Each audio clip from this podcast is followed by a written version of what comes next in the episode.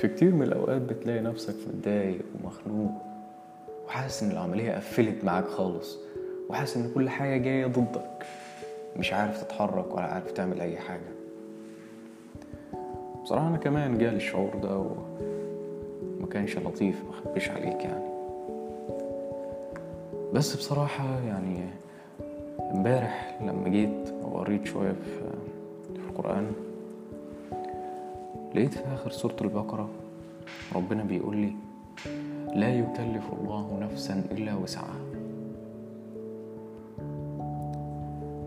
وجيت بعدها بآيتين لقيت آية كده يعني مش عارف إيه ده مكتوب إيه؟ ربنا ولا تحملنا ما لا طاقة لنا به. فجبت الآيتين دول مع بعض وقعدت أفكر كده شوية هو ليه الإنسان دعا إن ربنا ولا تحملنا ما لا طاقة لنا به مع إن قبلها بسطرين ربنا قايل له لا يكلف الله نفسا إلا وسعها. أنت زي ما فكرت كده أنا فكرت بالظبط. وزي ما استنتجت أنا استنتجت أنا كمان. اكتشفت إن أنا وأنت مش عارفين قدراتنا ولا عارفين الطاقة بتاعتنا قد إيه.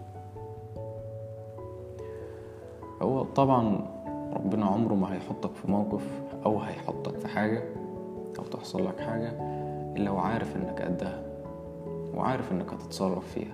حتى لو حسيت الحمل تقيل عليك هو برضه ربنا بيقول لا يكلف الله نفسا إلا وسعها. فما تقلقش وإن شاء الله خير.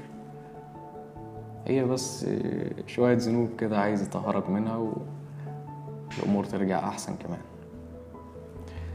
فشد حيلك كده وجدع.